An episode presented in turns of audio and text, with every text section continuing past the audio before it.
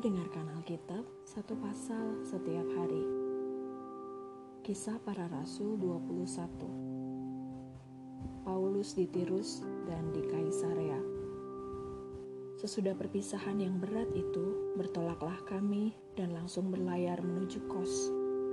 Keesokan harinya sampailah kami di Rodos dan dari situ kami ke Patara di Patara, kami mendapat kapal yang hendak menyeberang ke Venesia. Kami naik kapal itu lalu bertolak. Kemudian tampak Siprus di sebelah kiri, tetapi kami melewatinya dan menuju ke Syria. Akhirnya tibalah kami di Tirus, sebab muatan kapal harus dibongkar di kota itu. Di situ kami mengunjungi murid-murid dan tinggal di situ tujuh hari lamanya. Oleh bisikan roh, murid-murid itu menasihati Paulus supaya ia jangan pergi ke Yerusalem. Tetapi setelah lewat waktunya, kami berangkat meneruskan perjalanan kami. Murid-murid semua dengan istri dan anak-anak mereka mengantar kami sampai keluar kota. Dan di tepi pantai, kami berlutut dan berdoa. Sesudah minta diri, kami naik ke kapal dan mereka pulang ke rumah. Dari Tirus, kami tiba di Ptole Mais, dan di situ berakhirlah pelayaran kami. Kami memberi salam kepada saudara-saudara yang tinggal satu hari di antara mereka. Pada keesokan harinya kami berangkat dari situ dan tiba di Kaisarea. Kami masuk ke rumah Filipus, pemberita Injil itu, yaitu satu dari ketujuh orang yang dipilih di Yerusalem, dan kami tinggal di rumahnya. Filipus mempunyai empat anak darah yang beroleh karunia untuk bernubuat. Setelah beberapa hari kami tinggal di situ, datanglah dari Yudea seorang nabi bernama Agabus. Ia datang pada kami lalu mengambil ikat pinggang Paulus. Sambil mengikat kaki dan tangannya sendiri, ia berkata, Demikianlah kata Roh Kudus. Beginilah orang yang empunya ikat pinggang ini akan diikat oleh orang-orang Yahudi di Yerusalem dan diserahkan ke dalam tangan bangsa-bangsa lain. Mendengar itu, kami bersama-sama dengan murid-murid di tempat itu meminta supaya Paulus jangan pergi ke Yerusalem. Tetapi Paulus menjawab, "Mengapa kamu menangis dan dengan jalan demikian mau menghancurkan hatiku?" Sebab aku ini rela, bukan saja untuk diikat, tetapi juga untuk mati di Yerusalem oleh karena nama Tuhan Yesus. Karena ia tidak mau menerima nasihat kami, kami menyerah dan berkata, "Jadilah kehendak Tuhan." Pertemuan Paulus dengan Yakobus di Yerusalem. Sesudah beberapa hari lamanya tinggal di Kaisarea, berkemaslah kami, lalu berangkat ke Yerusalem. Bersama-sama dengan kami turut juga beberapa murid dari Kaisarea. Mereka membawa kami ke rumah seorang yang bernama Manason. Ia dari Siprus dan sudah lama menjadi murid. Kami akan menumpang di rumahnya. Ketika kami tiba di Yerusalem, semua saudara menyambut kami dengan suka hati. Pada keesokan harinya, pergilah Paulus bersama-sama dengan kami mengunjungi Yakobus. Semua penatua telah hadir di situ. Paulus memberi salam kepada mereka, lalu menceritakan dengan terperinci apa yang dilakukan Allah di antara bangsa-bangsa lain oleh pelayanannya. Mendengar itu, mereka memuliakan Allah. Lalu mereka berkata kepada Paulus, "Saudara, lihatlah beribu-ribu orang Yahudi telah menjadi percaya, dan mereka semua rajin memelihara hukum Taurat.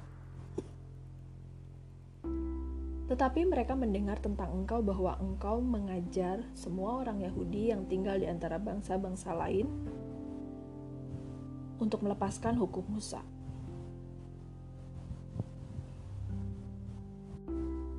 Sebab engkau mengatakan supaya mereka jangan menyunatkan anak-anaknya dan jangan hidup menurut adat istiadat kita. Jadi bagaimana sekarang? Tentu mereka akan mendengar bahwa engkau telah datang kemari. Sebab itu, lakukanlah apa yang kami katakan ini. Di antara kami ada empat orang yang bernazar. Bawalah mereka bersama-sama dengan engkau. Lakukanlah pentahiran dirimu bersama-sama dengan mereka, dan tanggunglah biaya mereka, sehingga mereka dapat mencukurkan rambutnya. Maka semua orang akan tahu bahwa segala kabar yang mereka dengar tentang engkau sama sekali tidak benar, melainkan bahwa engkau tetap memelihara hukum Taurat. Tetapi mengenai bangsa-bangsa lain yang telah menjadi percaya, sudah kami tuliskan keputusan-keputusan kami, yaitu mereka harus menjauhkan diri dari makanan yang dipersembahkan kepada berhala, dari darah, dari da daging binatang yang mati dicekik, dan dari percabulan. Pada hari berikutnya, Paulus membawa orang-orang itu serta dengan dia, dan ia mentahirkan diri bersama-sama dengan mereka, lalu masuk ke bait Allah untuk memberitahukan bila mana pentahiran akan selesai dan persembahan akan dipersembahkan untuk mereka masing-masing. Paulus ditangkap. Ketika masa tujuh hari itu sudah hampir berakhir, orang-orang Yahudi yang datang dari Asia melihat Paulus di dalam bait Allah. Lalu mereka menghasut rakyat dan menangkap dia sambil berteriak, Hai orang-orang Israel, tolong, inilah orang yang di mana-mana mengajar semua orang untuk menentang bangsa kita dan menentang hukum Taurat dari tempat ini. Dan sekarang ia membawa orang-orang Yunani pula ke dalam bait Allah dan menajiskan tempat suci ini. Sebab mereka telah melihat Trofimus dari Efesus sebelumnya bersama-sama dengan Paulus di kota dan mereka menyangka bahwa Paulus telah membawa dia ke dalam bait Allah.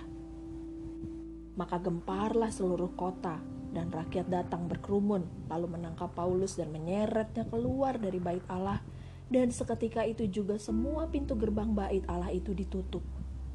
Sementara mereka merencanakan untuk membunuh dia, sampailah kabar kepada kepala pasukan bahwa seluruh Yerusalem gempar. Kepala pasukan itu segera bergerak dengan prajurit-prajurit dan perwira-perwira dan maju mendapatkan orang banyak itu Ketika mereka melihat dia dan prajurit-prajurit itu, berhentilah mereka memukul Paulus.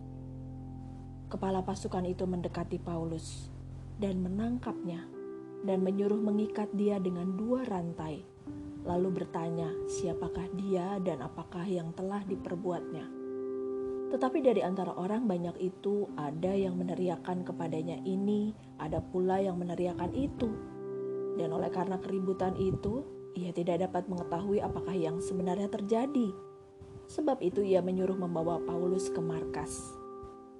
Ketika sampai ke tangga, Paulus terpaksa didukung prajurit-prajurit karena berdesak-desaknya orang banyak yang berbondong-bondong mengikuti dia sambil berteriak, "Enyahkanlah dia!" Paulus minta izin berbicara. Ketika Paulus hendak dibawa masuk ke markas, ia berkata kepada kepala pasukan itu, "Bolehkah aku mengatakan sesuatu kepadamu?" Jawabnya, "Tahukah engkau bahasa Yunani?" Jadi engkau bukan orang Mesir itu yang baru-baru ini menimbulkan pemberontakan dan melarikan 4.000 orang pengacau bersenjata ke padang gurun. Paulus menjawab, Aku adalah orang Yahudi dari Tarsus warga dari kota yang terkenal di Kilikia. Aku minta supaya aku diperbolehkan berbicara kepada orang banyak itu. Sesudah Paulus diperbolehkan oleh kepala pasukan, pergilah ia berdiri di tangga dan memberi isyarat dengan tangannya kepada rakyat itu. Ketika suasana sudah tenang, mulailah ia berbicara kepada mereka dalam bahasa Ibrani, katanya. Kita lanjutkan esok hari. Terima kasih sudah mendengarkan. Tuhan Yesus memberkati.